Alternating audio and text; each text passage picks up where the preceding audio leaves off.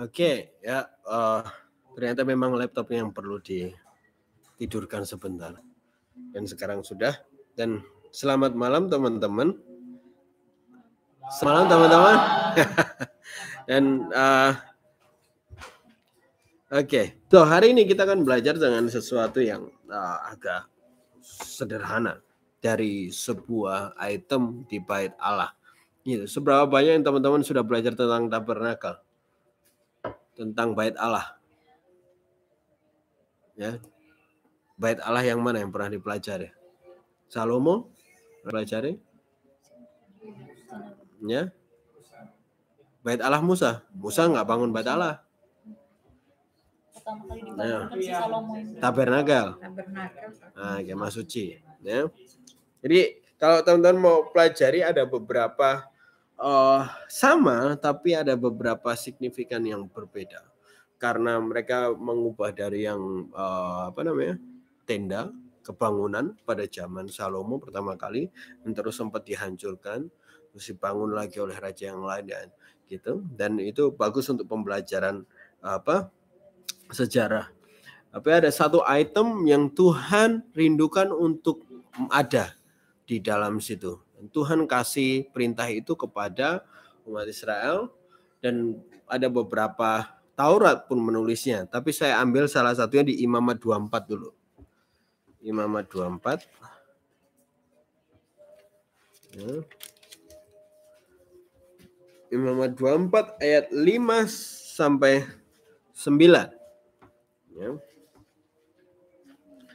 Imamat 24 ayat 5 sampai 9 saya baca yang ganjil, teman-teman baca yang genap. Oke? Okay? Sudah dapat katakan amin? Hah? Belum. imamat, imamat. Leviticus. Ingatnya gampang kok. Imam Levi. Gitu ya. Jadi ini tentang kitab ini memang tentang keimaman. Ya. So kita ayat 5 engkau harus mengambil tepung yang terbaik dan membakar 12 roti bundar daripadanya. Setiap roti bundar harus dibuat dari 10 eh, 2 per 10 eva. Engkau harus menjadi dua susun, enam buah sesusun di atas meja dari emas murni di hadapan Tuhan. Engkau harus membubuhkan kemenyan tulen di atas tiap-tiap susun. Kemenyan itulah yang harus menjadi bagian ingat-ingatan roti itu, yakni suatu korban api-apian bagi Tuhan. Setiap hari sabat dia harus tetap mengaturnya Itulah dari pihak orang Israel suatu kewajiban untuk selamanya. Roti itu teruntuk bagi Harun serta anak-anaknya dan mereka harus memakannya di suatu tempat yang kudus. Itulah bagi, uh, asli dari roti ini. Banyak sekali penelitian-penelitian yang terus bermunculan untuk macam-macam orang gitu. Karena ini adalah satu bentuk di mana tidak banyak dilestarikan. Artinya ini cuma ada satu keluarga yang pembuatnya resepnya cuma keluarga itu yang tahu. Gitu. Dan resep ini rahasia dan spesial karena ini roti bisa kuat satu minggu. Fresh satu minggu. Sabat baru diganti yang baru. Dan waktu pergantian itu baru dimakan sama mereka Harun. Gitu. Nah, roti ini di dalam ruang siapa yang tahu? Di ruang kudus bareng manorah barang meja kemenyan, ukupan. Ya. Jadi dia ada di situ, dikatakan ada dua tumpuk, buat 12, tapi ditumpuk 6. Gitu. Nah, dia dan kasih kemenyan di atas kemenyan itulah yang membuat ini menjadi ingat-ingatan bahwa Tuhan dan ini menjadi korban bagi Tuhan. Tadi tanpa kemenyan itu sebenarnya roti itu jadi roti biasa. Tapi begitu kemenyan itu diberikan, bahkan kemenyan ini punya resep spesial juga, tidak sama dengan kemenyan yang lainnya. Jadi ketika kemenyan itu ada, itu membuat roti itu jadi kayak di uh, legalisir bahwa ini untuk Tuhan gitu. Jadi persembahan korban bagi Tuhan. Gitu. Jadi uh, keluarganya yang yang buat itu keluarga Korah namanya kalau dalam bahasa Indonesia. Tapi yang menyediakan itu keluarga Kehat, artinya yang dia menggantikan. Nah, kenapa kok resepnya ini dijaga? Karena tidak dikopi nanti ini di kopi bukan untuk dijual bukan, tetapi mereka nggak mau juga apa uh, resep ini atau roti ini nanti dibuat untuk persembahan berhala atau persembahan Tuhan yang lain. Karena ini cocok banget untuk sajian. Kalau orang Jawa tahu kata sajen, itu sesaji, sesaji. yang dipersembahkan untuk yang dipuja. Gitu. Nah, roti ini diberikan itu sehingga dijaga benar-benar sama mereka. Banyak penelitian orang Yahudi mencoba untuk buat sama tapi sampai hari ini belum belum tertuliskan kalau ada yang benar-benar mendekati mungkin ya. Dan di ayat 5 dikatakan di situ adalah dia mengambil tepung yang terbaik. Dicatat dalam sejarah bahwa keluarga ini dia nggak makan dari tepung yang sama tepung ini disendirikan, dikatakan sangat putih dan terbaik untuk khusus buat roti ini. Mereka makan dengan tepung yang lain yang biasa mereka makan. Nah, ini uh, menunjukkan bahwa ada kepentingan bagi mereka. Uh, keluarga ini benar-benar mengambil itu sebagai sebuah tugas bagi keluarga mereka. Dan mereka terus menjaganya sampai dengan saat ini Artinya nggak ada satupun di luar keluarga itu yang tahu. Ada satu orang yang merah yang yang dia ngeklaim dia masih keturunan dari keluarga ini dan dia dia ngeklaim kalau dia tahu resepnya. Gitu. Tapi ya semua orang masih mempertanyakan apa benar ah, gitu-gitu. Kan udah berapa lapis keturunan dan tiba-tiba dia muncul untuk ngeklaim bahwa dia dari keluarga ini dan tahu gimana. Dan itu bisa jadi hal yang sangat sangat sangat signifikan banget ke, kepada budaya Yahudi teman-teman. Kalau benar-benar sampai ada yang nemukan dan masih ingat uh, resep itu. Dan beberapa teks bahasa Inggris dia pakai continual bread artinya bread itu terus menerus ada di hadapan Tuhan jadi roti itu terus ada dan nggak pernah nggak ada di meja itu Bahkan waktu masih zamannya Musa tabernakel, itu mejanya kan dibuat ada tempat untuk ngangkatnya. Jadi bahkan waktu diangkat pun rotinya harus tetap ada di atas meja itu. Cuma ditutup pakai penutup yang juga di ada ketentuannya dia. Jadi rotinya itu selalu ada. Dan saya bayangin waktu mereka ganti hari Sabat, pohon meja itu nggak pernah kosong. Berarti mereka gantinya satu tumpuk satu tumpuk mungkin. Ya, ambil satu tumpuk, ganti satu tumpuk, berikan lagi yang baru. Jadi itu selalu ada di situ. Di hadapan Tuhan, korban bagi Tuhan yang yang Israel lakukan itu selalu ada. Ya. Hal menariknya adalah teman-teman, roti pada zaman itu, pada masa itu adalah hal yang utama di dalam kehidupan mereka. Minggu lalu kita bicara tentang mana. Mana itu jadi substansi yang mereka buat menjadi roti mereka nggak makan mana mentah. Jadi katakan di Alkitab mereka kumpulkan, mereka jadikan itu untuk buat roti. Mereka bakar. Jadi mereka buat roti kayak macam pizza gitu ya, berarti bakar. Terus dia makan. Nah, roti adalah makanan yang utama yang mereka punya, teman-teman semua. Dan susunan roti ini, ini adalah menggambarkan setiap suku Israel itu mempersembahkan apa yang utama di dalam hidup mereka. Jadi makanya kenapa 12? Itu menggambarkan setiap suku taruh satu. Itu mewakili setiap suku untuk membawa korban api-apian bagi Tuhan melalui apa yang utama bagi mereka. Apa yang utama di dalam kehidupan mereka. Minggu lalu kita sedikit belajar tentang statement tidak hidup dari roti saja. Amin. Tapi dari sesuatu yang keluar dari mulut Tuhan. Nah, ini dan kita bawa itu sampai kepada bahwa apa yang keluar dari mulut Tuhan itu yang membawa kehidupan kita. Yang notabene ujungnya juga roti juga. Roti kehidupan. Yesus bilang, akulah roti hidup. Gitu. Jadi roti selalu konsisten teman-teman. Selalu konsisten di dalam firman Tuhan. Eh, di dalam Alkitab ini selalu menggambarkan firman Tuhan. Roti selalu konsisten di situ. Nah, orang yang langsung ngajar tentang tabernakel atau bait Allah biasanya langsung bilang, oh apa pelita atau manorah yang bicara tentang Roh Kudus, uh, ukupan atau kemenyan bicara tentang pujian dan penyembahan dan roti bicara tentang firman Tuhan. Itu selalu langsung represent itu. Roti akan selalu bicara tentang firman Tuhan. Dan firman Tuhan adalah apa yang keluar dari mulut Tuhan apa yang keluar dari Tuhan itu sendiri. Ada adalah apa yang sebenarnya kita butuhkan. Masih ingat hal ini yang kita bahas.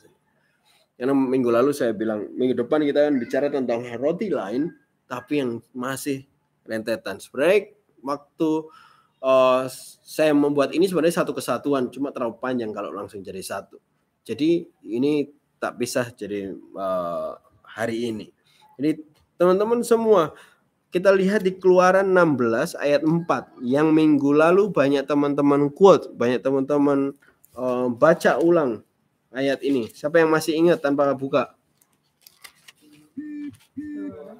Keluaran 16 ayat 4. Salah satu ayat inti minggu lalu.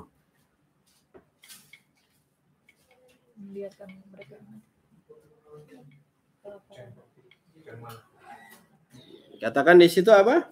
Lalu Tuhan berfirman kepada Musa, sesungguhnya aku akan menurunkan dari langit hujan roti bagimu, maka bangsa itu akan keluar dan memungut tiap-tiap hari sebanyak yang mereka perlu untuk sehari, supaya mereka kucoba apakah mereka hidup menurut hukumku atau tidak.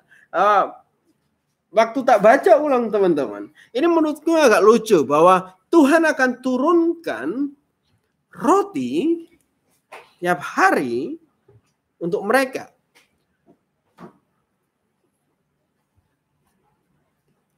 Tapi kita belajar juga minggu minggu lalu bahwa roti hidup adalah Yesus itu sendiri yang membawa kehidupan kepada kita saat ini. Ya. Dan kenapa menarik? Coba bayangkan kalau tiap pagi gitu Tuhan Yesus turunkan roti dari atas untuk kita makan. Bagi akan menarik banget gitu. Dan dan ini janji Tuhan untuk mengelola kebutuhan untuk mereka hidup yang utama. Masih ingat saya bilang tadi roti itu adalah hal yang utama bagi kehidupan mereka pada saat itu. Jadi apa yang Tuhan firmankan Bapak Ibu Saudara semua. Ini bicara tentang apa yang sebenarnya kita butuhkan. Amin apa yang Tuhan mau turunkan dari surga adalah sesuatu yang kita butuhkan. Saya mau garis bawah ini lagi ya minggu, minggu lalu mungkin lupa lupanya. Ya. Apa yang turun Tuhan turunkan dari kediamannya, dari keilahian dia itu adalah yang sebenarnya kita butuhkan untuk kita terus hidup. Tuhan tahu apa yang kita butuhkan. Amin. Siapa yang hari ini lagi punya kebutuhan yang cukup lumayan butuh banget? Ada? Ada? Butuh banget ya. BEMS katanya bolak balik ke ATM nggak bisa keluar gitu. Itu antara ATM-nya rusak atau memang Tuhan sedang mau ajar sesuatu gitu. Tapi huh? bisa. Bisa oh, itu lebih berat berarti. Enggak cuma dari rakyatnya. Let's do this teman-teman. Roti sajian itu di dalam bait Tuhan, amin. Di dalam rumah Tuhan. Roti sajian itu. Yang yang ditunjukkan ke Tuhan sebenarnya dari 12 roti ini adalah 12 suku itu menaruh harapan yang utama itu kepada Tuhan. Jadi Tuhan melihat tumpukan 12 roti itu sebenarnya adalah sebenarnya 12 suku itu menaruhkan harapan hidup mereka, harapan uh, kebutuhan mereka, harapan bertahan hidup, harapan utama untuk mereka terus hidup itu pada Tuhan. Nah, bagi umat Israel itu melihat roti ini adalah mengingatkan kepada apa yang Tuhan lakukan kepada mereka untuk selalu ada di atas kebutuhan-kebutuhan mereka. Untuk mengingatkan mereka kehadiran Tuhan itu selalu ada untuk memunculkan kebutuhan. Masih ingat tadi saya bilang leh lekhem hapanim. Itu artinya sebenarnya roti kehadiran. Roti di mana roti itu bentuk dari kehadiran Tuhan. Di mana kehadiran Tuhan itu ada, kebutuhan kita itu dipenuhi. Wah, ini. Saya bukan mau khotbah anu ya. Injil kemakmuran ya. Tapi ini ini pemanasan dulu lah supaya kita agak dengar-dengar yang enak gitu ya. enak bagi manusia ya. Gitu. Jadi kembali lagi saya ulang bahwa bagi umat Israel ini mengingatkan mereka tentang kehadiran Tuhan atas semua kebutuhan-kebutuhan mereka. Kehadiran Tuhan atas semua pemeliharaan kehidupan mereka sehingga mereka terus bisa bertahan hidup. Terus ada. Mana turun dari surga, roti turun dari surga, mereka bisa terus hidup di situ. Nah, mengingatkan mereka juga tentang hidup mereka itu cuma bergantung kepada Tuhan. Bayangkan, saya pernah bayangkan suatu ketika itu kalau aku di gurun pasir belum pernah sih aku ke gurun pasir ya paling ke gumuk pasir. Itu itu pun panasnya bener-bener gitu.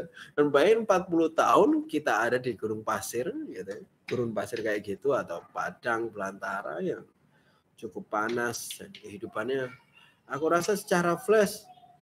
Banyak cerita menanamkan itu. Tapi Ya, roti itu teman-teman Bapak Ibu Saudara semua untuk mengingatkan mereka tentang bahwa kehidupan mereka itu di, di seluruh perjalanan kehidupan mereka cuma bergantung sama Tuhan. Apa yang Tuhan waktu mereka butuh air bergantung kepada Tuhan. Waktu mereka mau minum bergantung kepada Tuhan, mau makan bergantung kepada Tuhan. Itu benar mengingatkan kepada mereka bahwa hidupku ini hanya bergantung kepada Tuhan. Dan bayangkan itu sampai detik ini pernah Pak Brand dan Mr. Reza cerita tentang waktu mereka pulang dari Israel, mereka lihat betapa mereka percaya bahwa ketika mereka terus kembali untuk konsisten untuk benar-benar setia pada Tuhan lagi bahwa Tuhan juga akan setia balik ke mereka. Akhirnya mereka setia lagi gitu. Betapa mereka itu benar-benar tertanam bahwa hidup mereka itu bergantung pada Tuhan. Bukan bergantung kepada kesuksesan mereka atau kebisaan mereka. Dan Israel punya banyak alasan untuk mereka bergantung kepada kebiasaan mereka karena banyak juga terkenal mereka salah satu negara yang punya uh, teknologi militer yang enggak enggak enggak di, bisa diremehkan. Mereka punya orang-orang yang pintar, mereka punya penelitian-penelitian yang sangat maju untuk dunia ini gitu. Tapi dengan mereka terus setia itu memperlihatkan bahwa mereka masih terus bergantung sama Tuhan bukan bergantung kepada kekuatannya sendiri, teman-teman. Uh, barang saya agak maju ke kejadian.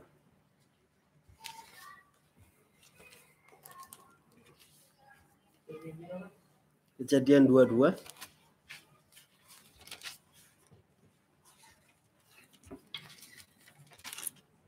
Kejadian 22 ayat 12 sampai 14.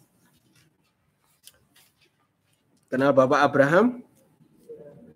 Lalu ia berfirman, jangan bunuh anak itu dan jangan kau apa-apakan dia sebab telah ku ketahui sekarang bahwa engkau takut akan Allah dan engkau tidak segan-segan kehidupan kita adalah di mana Tuhan hadir. Itu ada penyediaan dari Tuhan. Di mana Tuhan hadir, itu ada kebutuhan kita yang dipenuhi.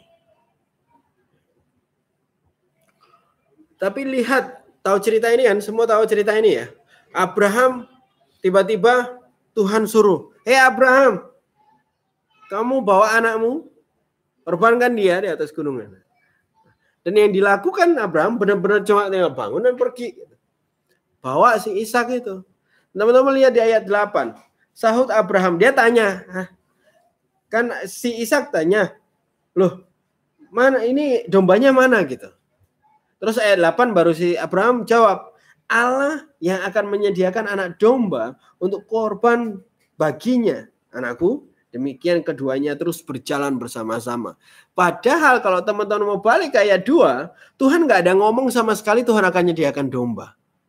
Bagi saya menarik sekali bahwa Abraham kenal siapa Tuhan banget sampai dia sepercaya itu. Makanya kenapa Abraham benar-benar sebagai disebut bapak orang beriman.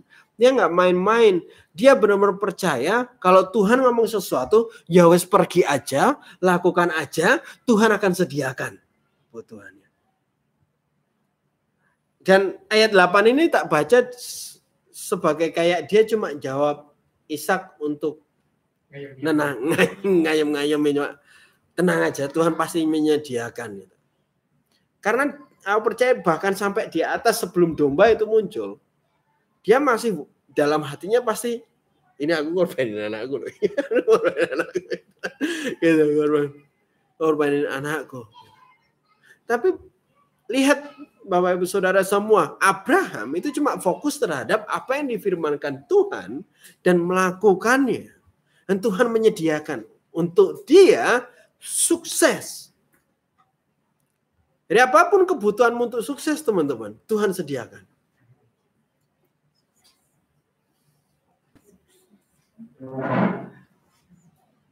Tuhan akan sediakan apa yang kau butuhkan untuk engkau sukses. Melakukan apa yang Tuhan perintahkan. Supaya Abraham tetap bisa mempersembahkan apa yang Tuhan perintahkan. Tuhan sediakan. yang supaya bangsa Israel bisa sampai tanah Kanaan. Siapa bilang Tuhan nggak mau kita sukses? Tuhan mau. Gitu. Habis sukses untuk melakukan apa yang dia perintahkan. Dan selama kita melakukan apa yang dia perintahkan, di situ Tuhan hadir bersama kita. Di mana kehadiran Tuhan, itu ada penyediaan kebutuhan. Amin. Ada beberapa kata kunci di sini. Bicara tentang apa yang diperintahkan Tuhan. Yang kedua adalah kehadiran Tuhan. Yang ketiga adalah sukses menyelesaikan apa yang Tuhan perintahkan. Apa yang membuat bangsa Israel bertahan waktu malam hari? Karena Tuhan hadir dalam bentuk tiang api. Apa yang membuat bangsa Israel sukses dalam siang hari? Karena Tuhan hadir berbentuk awan. Apa yang membuat mereka bertahan untuk makan di pagi hari? Karena Tuhan hadir melalui mana? Apa yang membuat mereka bertahan waktu makan untuk malam? Karena ada Tuhan hadir melalui roti. Wah, burung puyuh Pagi dia kasih mana? Sore dia kasih burung puyuh. Tuhan hadir kebutuhanmu dicukupi untuk kita sukses. Amin. Seberapa banyak yang sudah pernah terima perintah Tuhan untuk lakukan sesuatu dalam hidup? Amin. Udah pernah? Dan terus merasa berat nggak bisa. Sometimes. Langsung, aduh Tuhan. Tenang aja, waktu engkau ada melakukannya, Tuhan hadir bersamamu. Dan mencukupi kebutuhanmu untuk menyelesaikannya. Amin. Siapa yang mau sukses di sini? Percaya enggak Tuhan menyediakan kebutuhan kita untuk sukses? Amin. Ya. Roti, ada kata kunci di sini. Roti, hadirat Tuhan, dan apa?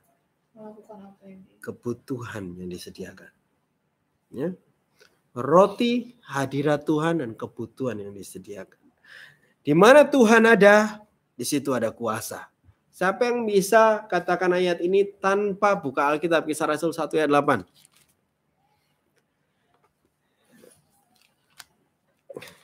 Oh man. Kamu, kamu akan menerima kuasa kalau Roh Kudus turun ke atas kamu dan kamu akan menjadi saksiku di seluruh Yudea, Samaria, Yerusalem, Yudea, dan seluruh bumi. Gitu. Ada roh, ada kuasa, ada bersaksi. Inti dari ayat ini apa teman-teman? Tuhan memberi apa yang kau butuhkan untuk melakukan Matius 28 ayat 18 sampai 20. Karena sebelumnya Tuhan udah perintahkan dulu apa yang harus kita lakukan di Matius 28 itu. Tahu Matius 28 18 20? Pergi. Ya. Itu perintahnya. Dan di sinilah Tuhan bilang bahwa akan ada kebutuhan. Kamu butuh sesuatu untuk lakukan itu. Kamu akan butuh sesuatu. Dan roh kudus ini yang akan bawa kuasa ini adalah untuk kita bersaksi. Saya tahu kita semua familiar dengan konsep ini. Tapi saya mau teman-teman coba pahami lebih dalam. Bahwa roh kudus bawa kuasa untuk kita selesaikan perintah Tuhan. bukan jago-jagoan ya. Bukan untuk kita hanya jago healing, jago nubuatan. Ya. Enggak, untuk kita menyelesaikan Matius 28. Dan cuma itu loh sesungguhnya. Enggak untuk alasan yang lain. Untuk kita jadi saksi. Jadi kuasa itu supaya bekerja di dalam kita dan akhirnya akan jadi ada saksi. Tuhan akan memberikan apa yang kita butuhkan supaya kita sukses mengenapi perintahnya di dalam hidup kita. Ya. Dan perintah utama setiap kita, Matius 28, 18.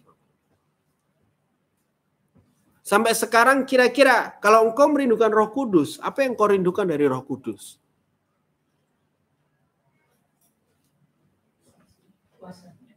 Apakah kuasa untuk bersaksi? Jujur aja jawab di dalam hati masing-masing. Terkadang saya enggak. Ya, jujur aja. Pernah terbersih saya pengen jadi hamba Tuhan yang super healing. Super menyembuhkan.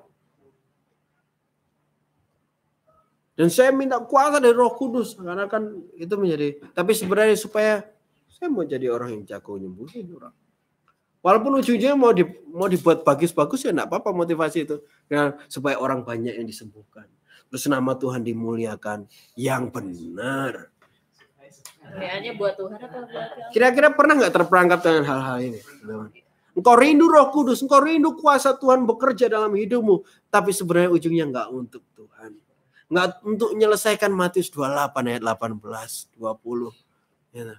Kita mau Tuhan menyediakan untuk kita sukses, suksesnya kita.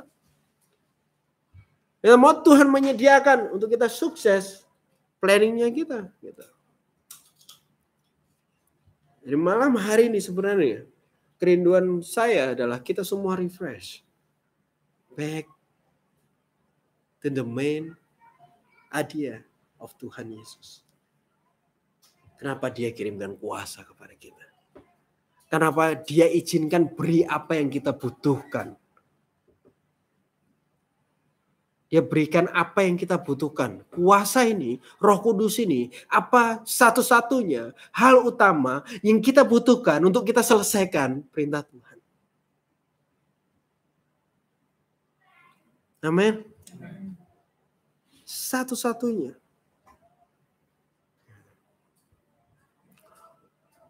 Kita lihat keluaran 25 ayat 30 teman-teman. Ada satu identikal dari roti ini yang luar biasa. Yang tadi saya sempat singgung di awal, teman-teman. Keluaran 25 ayat 30.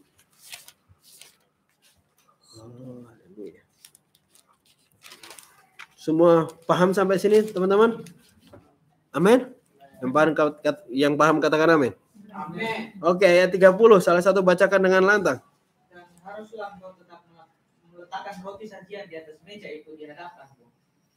Tadi sempat saya singgung adalah beberapa statement dalam bahasa Inggris mereka pakai continue. Dia terus ada di hadapan Tuhan. Gitu. Roti ini harus terus ada, selalu di tempat yang seharusnya. Harus ada di tempat itu supaya Tuhan bisa melihat sebuah korban, sebuah keberadaan bangsa Israel untuk terus ada di hadapan dia. Tuhan juga bisa hadir di dalam hidup mereka ketika mereka menaruhkan yang utama itu kepada tempatnya yang tepat. Untuk menaruhkan yang utama yang Tuhan selalu ada itu, adakan itu selalu ada di tempat yang tepat itu. Bahasa Jawanya always be at the right place. Wow. Kamu nggak ngerti bahasa Jawa ya? selalu ada di tempat yang tepat dan selalu ada di situ. Gitu. Apa teman-teman akhir-akhir ini sedang seru-serunya mencari roti? Tiap pagi, gitu, tiap malam, mencari kehidupan dari Tuhan. Eh, kehidupan ini terlalu stressful banget. Terlalu berat. Kebutuhan yang ada itu menekan sampai kita wah terlalu berat. Dan kita coba cari Tuhan untuk terima kehidupan itu. Cari roti kita. Atau kita cari jawaban Tuhan akhir-akhir ini. Dari sesuatu yang kita sudah doakan, yang sesuatu sudah kita minta, sudah kita mau cari tahu. Kita cari kekuatan dari Tuhan. Kita cari penghiburan-penghiburan dari Tuhan berhari-hari. Gitu. Kita setuju semua kalau roti sajian ini bicara tentang firman Tuhan. Roti selalu bicara tentang itu. Firman yang keluar dari mulut Tuhan. Minggu lalu kita bilang bahwa yang membawa kehidupan kita adalah sesuatu yang keluar dari mulut Tuhan. Roti itu yang membawa kehidupan dan kita mulai mungkin menghabiskan waktu kita untuk mencari hal itu. Gitu. Tapi kita nggak akan dapat apa-apa kalau kita nggak di tempat yang tepat.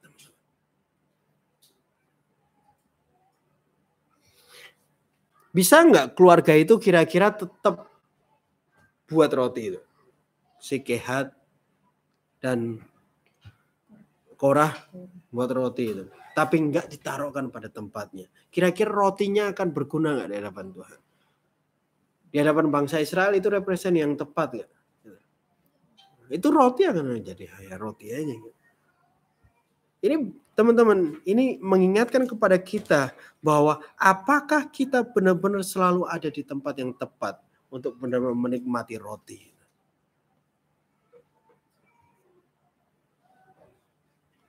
Tempat yang tepat, posisi kita. Bicara tentang kadang otoritas, posisi kita di mana, fungsi kita di mana, posisi kesuksesan kita juga di mana. Kalau kita dengan kata sukses, itu kira-kira masih terbersit nggak kesuksesan kehendak kita atau enggak? Gitu. Kira-kira masih nggak kita ketika dengar kata sukses itu benar-benar udah 100% kesuksesan Tuhan. Posisi sukses kita itu masih di mana?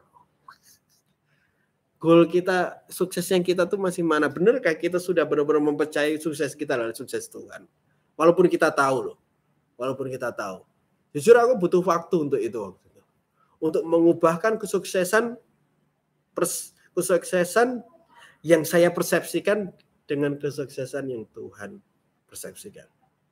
Mengubahkan kesuksesan yang persepsi saya menjadi kesuksesan kesuksesannya Tuhan.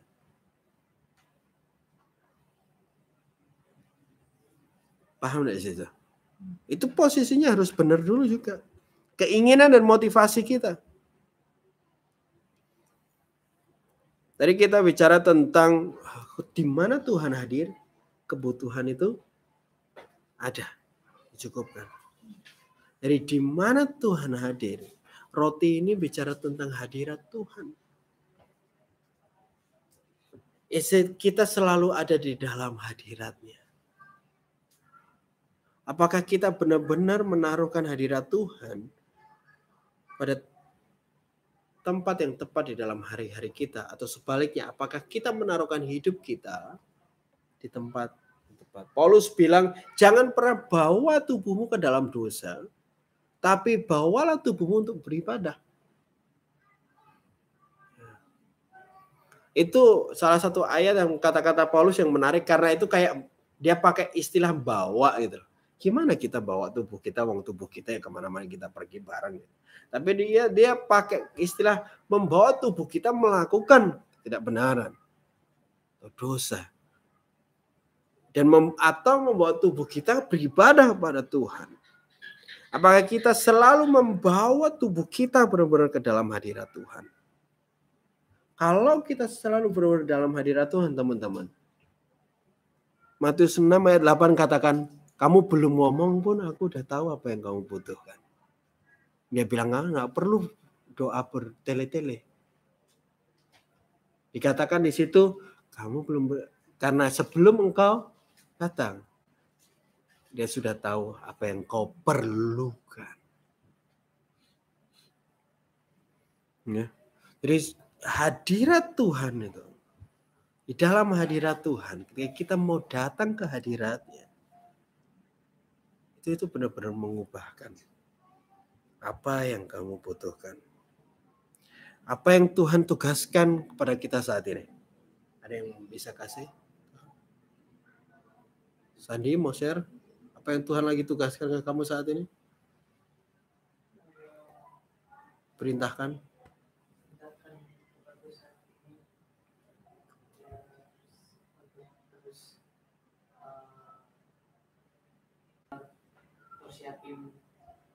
Diri aku untuk melakukan tugasnya dia dengan membentuk setiap detail-detail dalam hidup aku harus diperhatikan untuk jadi orang yang apa jadi seorang yang bisa membawa teladan Oke, ada lagi? Apa Stanley? saya sih ya ini apa lebih ke ini yang aku sampaikan dan juga kak ya, tanggung jawab gitu. Oh, Nah, sebagai itu kuliah sebagai itu pemerintahan. Juga ini itu apa? Bergantung betul sepenuhnya pada Tuhan bukan dengan kekuatan bukan dengan apa yang kau bisa. Amin. Ada lagi? Setiap kita punya sesuatu yang Tuhan sedang perintahkan untuk kita kerjakan. Ada yang bentuknya fisik banget. Yang terkadang malah jauh dari hal rohani. Ada yang Tuhan perintahkan hal-hal yang sangat rohani. Contohnya, nah, kamu harus punya waktu doa sendiri. Ada, aku pernah ada masa-masa Tuhan tambahkan itu. Rachel hari ini sharing dia katanya mulai doa tiga kali sehari kayak makan aja. Eh, makan tuh ya tiga kali sehari itu. Lu makanmu lima kali. Oh, gitu. Jadi setiap kita ada sesuatu yang Tuhan kerjakan. Mau kita kerjakan. Gitu. Tapi pernah nggak putus asa dalam mengerjakan itu? Pernah nggak? Ya atau tidak? hampir pernah terpikirkan sih Pak, Untuk berhenti. untuk Aduh, terlalu susah itu. Terlalu susah. Dan Ramdan, ramdan.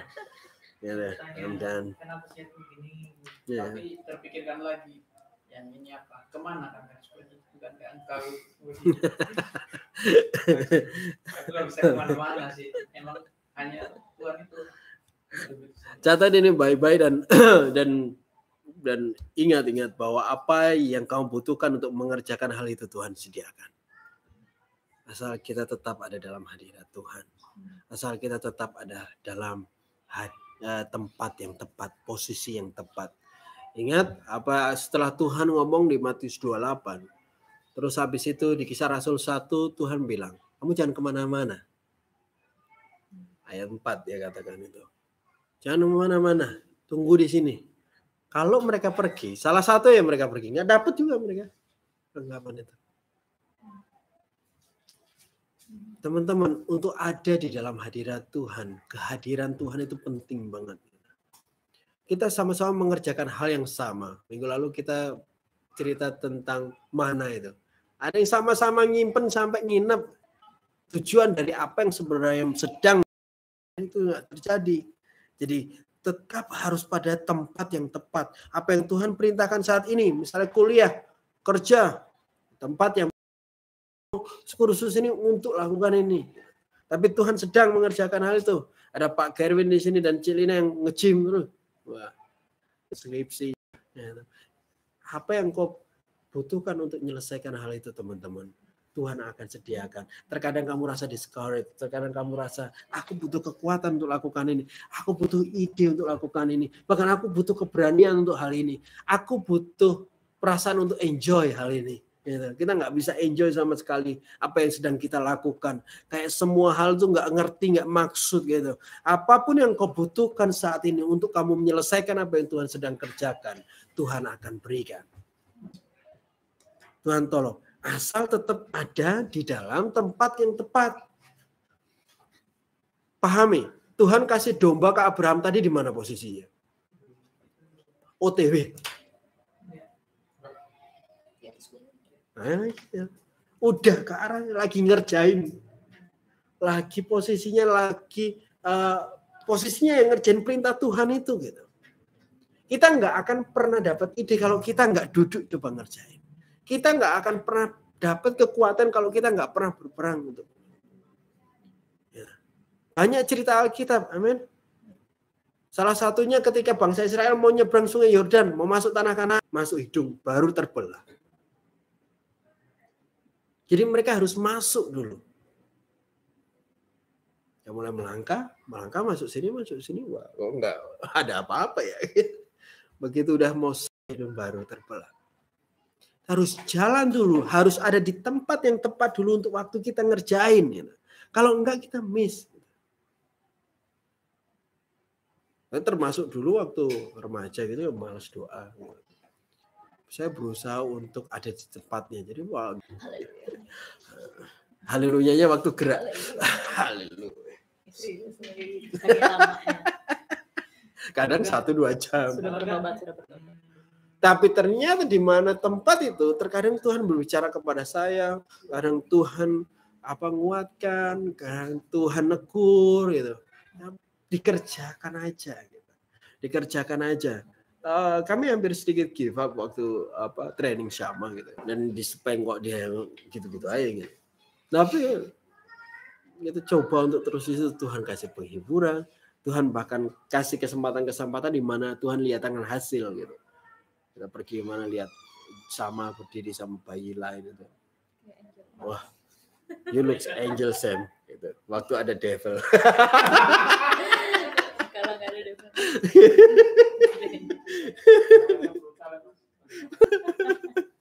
jadi, jadi oh, dan begitu ngomongin gitu, Sam, no no gitu, dia udah mulai dan itu Tuhan izinkan lihat hal itu. Walaupun habis itu enggak juga gitu lagi. Apa ini? Sam Nono sampai lima tujuh kali dia enggak juga. Tapi ada masa-masa di mana Tuhan lihatkan progres itu untuk kasih kekuatan. Tapi kalau kami enggak pernah ada dalam kondisi ngerjainnya teman-teman Tuhan enggak bisa kasih kita kekuatan Tuhan nggak bisa kasih kita ide. Gitu.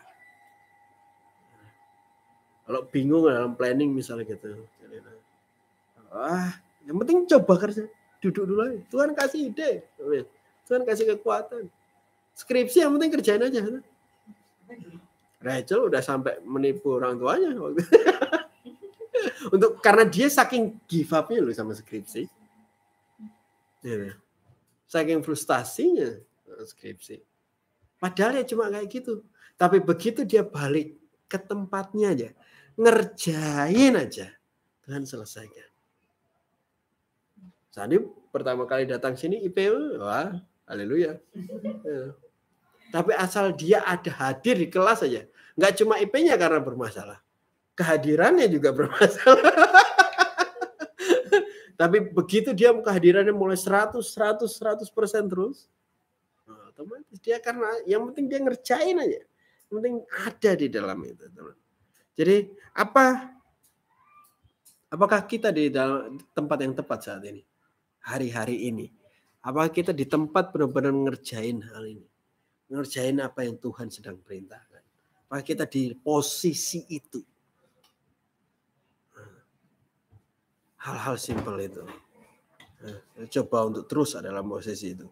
Jangan seperti itu, minta Tuhan tolong, tapi nggak ada nggak di posisi ngerjain apa yang Tuhan panggil. Nah, berada di tempatnya aja. Gitu. Berada terus saja. Gitu. Matius 6, 23.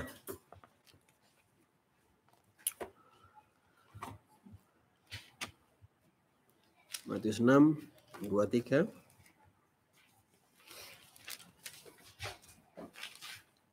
Dia katakan ini.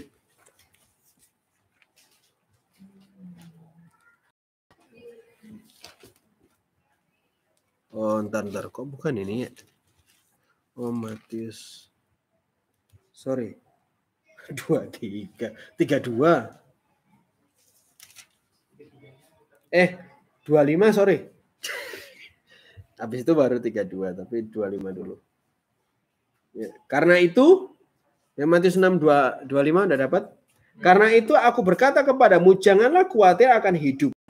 Apa yang hendak kamu makan atau minum dan janganlah khawatir pula akan tubuhmu akan apa yang hendak kamu pakai.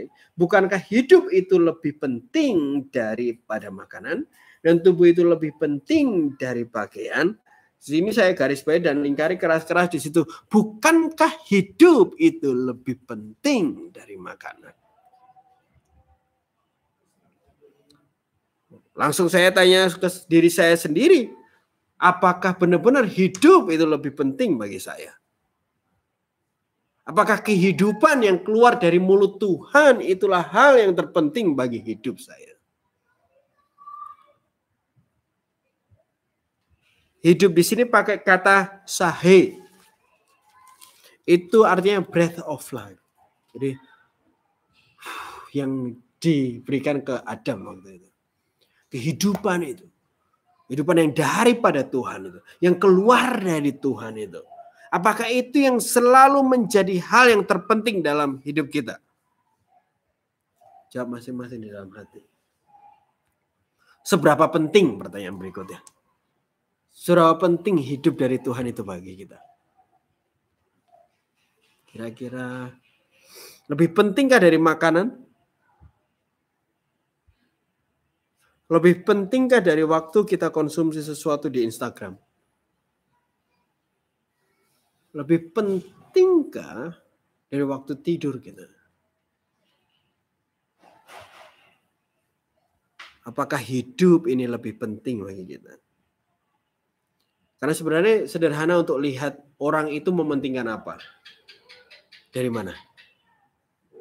Dari waktu yang mereka berikan terhadap sesuatu. Wow. Orang itu cuma makan terus berarti bagi mereka bagi orang itu makan itu terpenting ya. Gak boleh lama-lama, jadi cepet ya. Cepat ya. Hati-hati tujuh.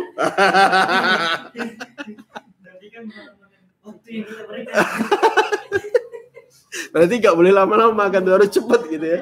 Jadi nggak terlalu penting kayak gitu. Dan kita belajar juga minggu lalu bahwa apa yang keluar dari mulut Tuhan itu adalah bawa hidup. Nah, seberapa penting bagi kita kehidupan yang keluar dari Tuhan itu?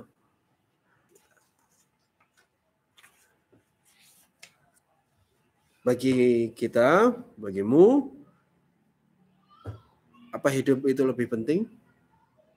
Ya enggak? Ya. Atau kadang-kadang kalau ingat aja. kalau lagi nggak kilaf gitu. Kilaf lupa. Apakah menantikan yang keluar dari mulut Tuhan itu terpenting dalam hidup kita? Hmm? Apakah bagimu lebih penting dari makan? Ya, tadi katakan. Apa lebih penting dari mimpi-mimpi kita? Lebih penting dari ambisi-ambisi kita. Lebih penting dari keinginan kita. Lebih penting dari eks, eksistensi. Wah, susah ngomong. Eksistensi. Sekarang lagi zamannya eksistensi tinggi kalau teman-teman paham. Kenapa orang story terus gitu. Gini, gitu. Itu apa sebenarnya yang dikejar mereka? Apa-apa makan foto. Apa yang dikejar mereka? Satu kata, eksistensi. Bahwa mereka eksis. Mereka ada. Mereka masih hidup.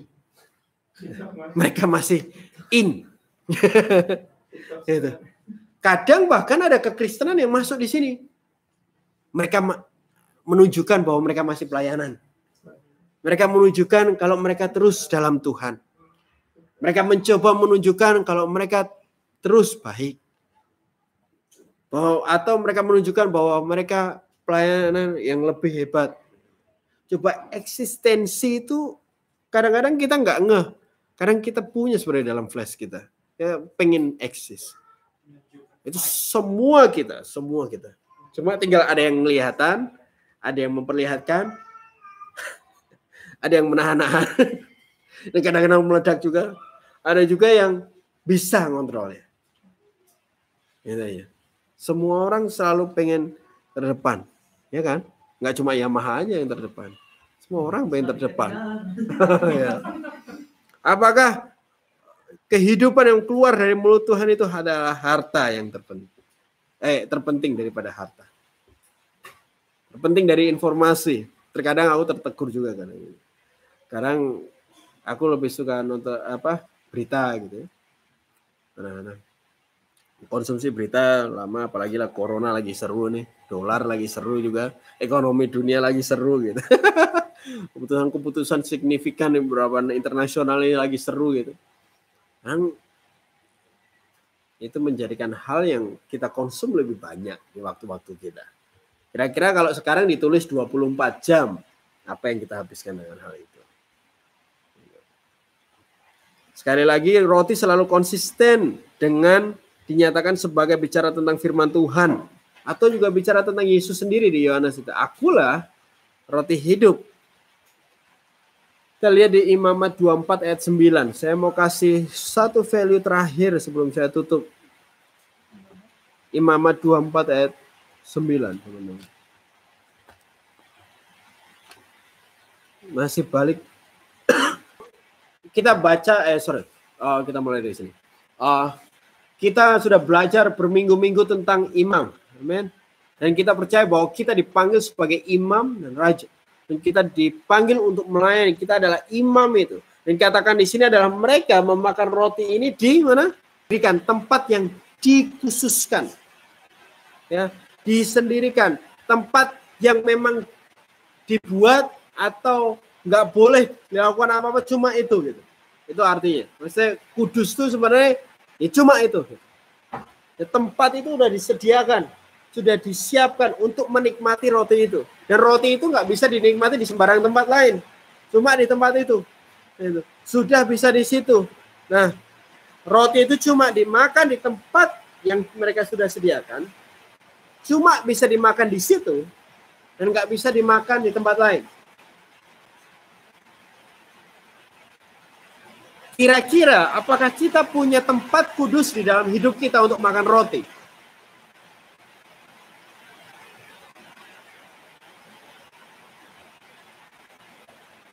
Ada nggak kira-kira? Di pojokan-pojokan yang disisakan untuk ini. Kita nggak benar-benar menyiapkan tempat untuk kita menikmati roti. Roti kehidupan itu. Untuk menikmati Yesus itu sendiri untuk menikmati firman Tuhan itu sendiri. Apakah kita benar-benar punya tempat itu? Enggak masing-masing.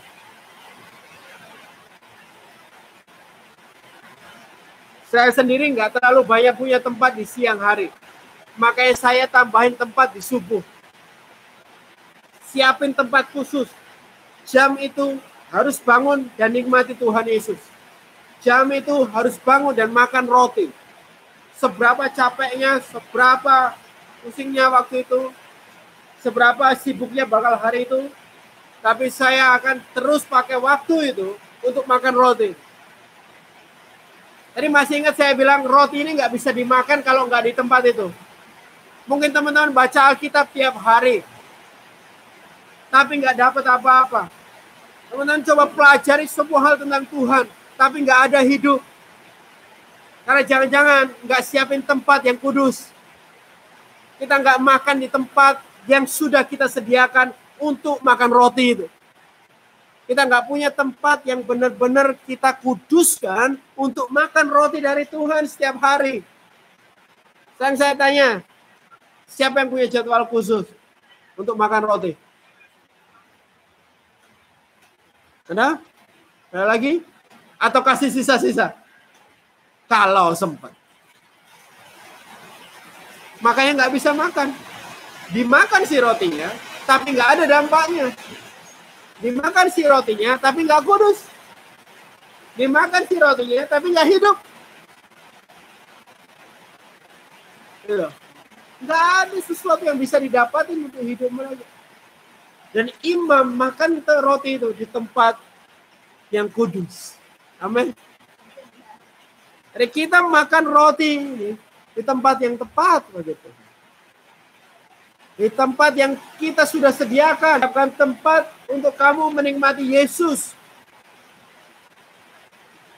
Di waktu yang saya sediakan itu teman-teman, saya habisin cuma dengan menyembah Tuhan aja. Menikmati Tuhan cuma sama saya sendiri. Yang ada kita baca Alkitab, pikiran kita ke mana? Yang ada kita nyembah Tuhan, pikiran kita ke mana? Yang ada kita nyanyi bagi Tuhan, ingatnya jemuran. Karena hujan, waduh jemuran. waduh, ya kan. Kadang seru waktu dulu ada doa gitu bareng gitu kan. Begitu hujan, dengar hujan, bres, langsung banyak yang keluar. Mereka ingat jaket mereka. Mereka ingat helm mereka.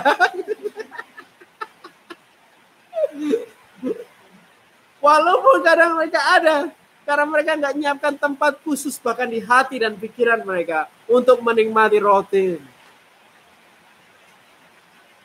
Teman-teman, hari ini adalah sebuah penguatan bagi kita semua untuk kita siapkan tempat khusus buat menikmati roti ini supaya bawa kehidupan bagi hidup kita. Apa pun yang terjadi, aku mau nikmati Tuhan waktu ini. Apa pun yang terjadi, ini waktuku sama Tuhan. Secapek-capeknya aku, aku mau menikmati Tuhan Yesus. Itu jadi kekuatan. Dan berapa waktu saya terus mulai anu sendiri. Jadi saya sempat nggak lakukan itu sepulang dari Kalimantan karena terus berubah. Kita bangun siang terus. Gitu. 7 jam 8 jam 7 jam Wah harus balik nih. Harus balik. Kalau enggak gini wah langsung pasti turun. Karena nggak ada hidup yang dimakan tiap hari. Akhirnya berubah.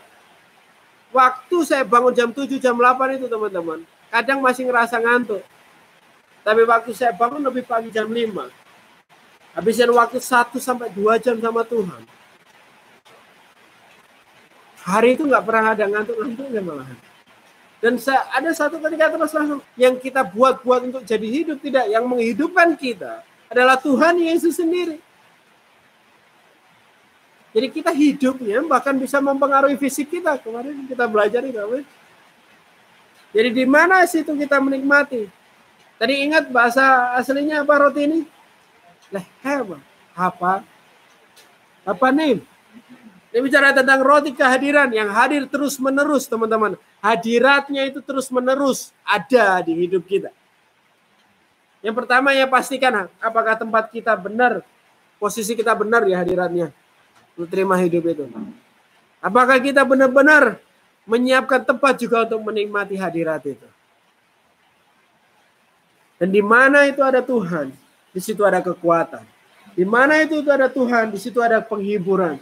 Di mana itu ada Tuhan, di situ ada kebutuhan yang disediakan untuk kita sukses mengerjakan apa yang Dia perintahkan.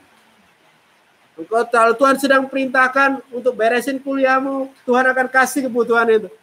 Walaupun capek, walaupun pusing, walaupun nggak bisa paham-paham, ada aja dan terus ada dalam hadirat Tuhan. Tuhan sedang perintahkan engkau untuk membereskan keluargamu, uh, mendidik anak dan segala macamnya. Terus ada dalam hadirat Tuhan, kerjakan itu dan Tuhan akan memberikan kebutuhan itu. Engkau butuhkan untuk menyelesaikan perintahnya. Amin. Dan itulah roti sajian. Amin. Tuhan Yesus memberkati. Amen.